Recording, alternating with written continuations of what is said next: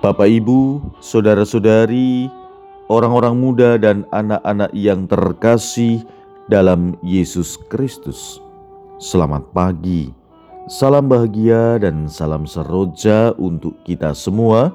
Berkah dalam bersama dengan saya, Romo Antonius Garbito Pambuaji, menyampaikan salam dan berkat Allah yang Maha Kuasa dalam nama Bapa dan Putra dan Roh Kudus. Amin.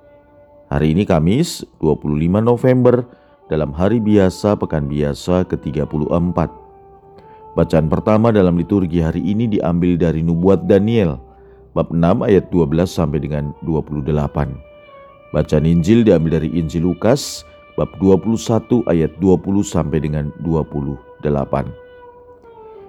Yesus berkata kepada murid-muridnya, "Apabila kalian melihat Yerusalem dikepung oleh tentara, ketahuilah bahwa keruntuhannya sudah dekat.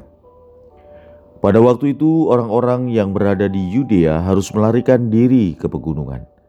Orang-orang yang ada di dalam kota harus mengungsi, dan orang-orang yang berada di pedusunan jangan masuk lagi ke dalam kota. Sebab itulah masa pembalasan, dan genaplah semua yang tertulis. Celakalah para ibu yang sedang hamil atau yang sedang menyusui bayi pada masa itu, sebab kesesakan yang dahsyat akan menimpa seluruh negeri, dan murka akan menimpa bangsa ini. Mereka akan tewas oleh mata pedang dan diangkut sebagai tawanan ke segala bangsa. Yerusalem akan diinjak-injak oleh bangsa-bangsa yang tidak mengenal Allah, sampai genaplah zaman bangsa-bangsa itu dan akan tampaklah tanda-tanda pada matahari, bulan, dan bintang-bintang. Bangsa-bangsa di bumi akan ketakutan dan bingung menghadapi deru dan gelora laut. Orang akan mati ketakutan karena cemas, berhubung dengan segala sesuatu yang menimpa bumi ini karena kuasa-kuasa langit bergoncangan. Pada waktu itu orang akan melihat anak manusia datang dalam awan dengan segala kekuasaan dan kemuliaannya Apabila semuanya itu mulai terjadi, bangkitlah dan angkatlah mukamu, sebab penyelamatanmu sudah dekat. Demikianlah sabda Tuhan. Terpujilah Kristus. Sabda Tuhan hari ini masih berbicara tentang nubuat kedatangan Tuhan. Yesus bernubuat melalui kehancuran Yerusalem. Dan itu nyata bahwa kemudian Yerusalem hancur dan runtuh. Tentu pada saat itu banyak korban berjatuhan. Yerusalem merupakan petunjuk identitas keyahudian. Tentu juga bahwa penderitaan itu membuat mereka bersedih karena kehilangan identitasnya. Dan kita bisa membayangkan betapa hebat penderitaan mereka saat itu. Saudara-saudari, dalam kehidupan ini harus kita sadari bahwa tidak selalu kita mengalami kegembiraan. Ada saat di mana kita bergelut dengan penderitaan bukan hanya dengan tubuh kita yang sakit, tetapi bisa jadi karena mental kita.